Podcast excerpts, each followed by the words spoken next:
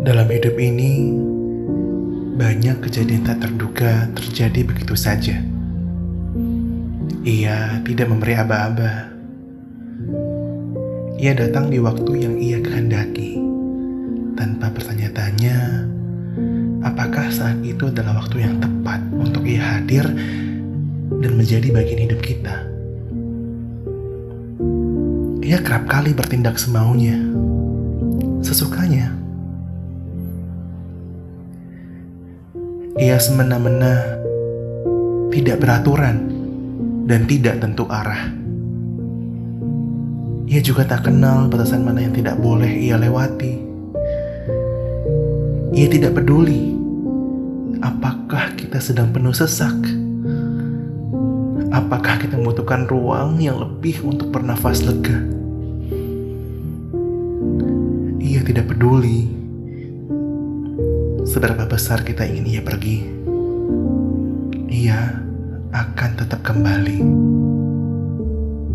Karena pada dasarnya, ia memang tidak pernah pergi.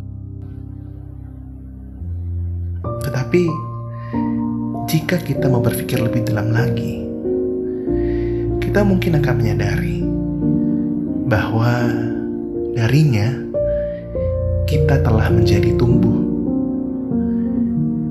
kita menjadi pribadi baru yang lebih baik dari kita yang terdahulu. Kita menjadi tahu apa yang kita tidak pernah tahu. Kita belajar menjadi manusia yang lebih utuh.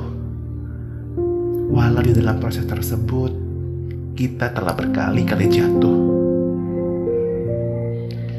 Mungkin ia tidak seburuk itu. Mungkin selama ini kita terlalu banyak mengeluh merasa insecure, dan bukan bersyukur. Cobalah melihat dari sudut pandang yang berbeda.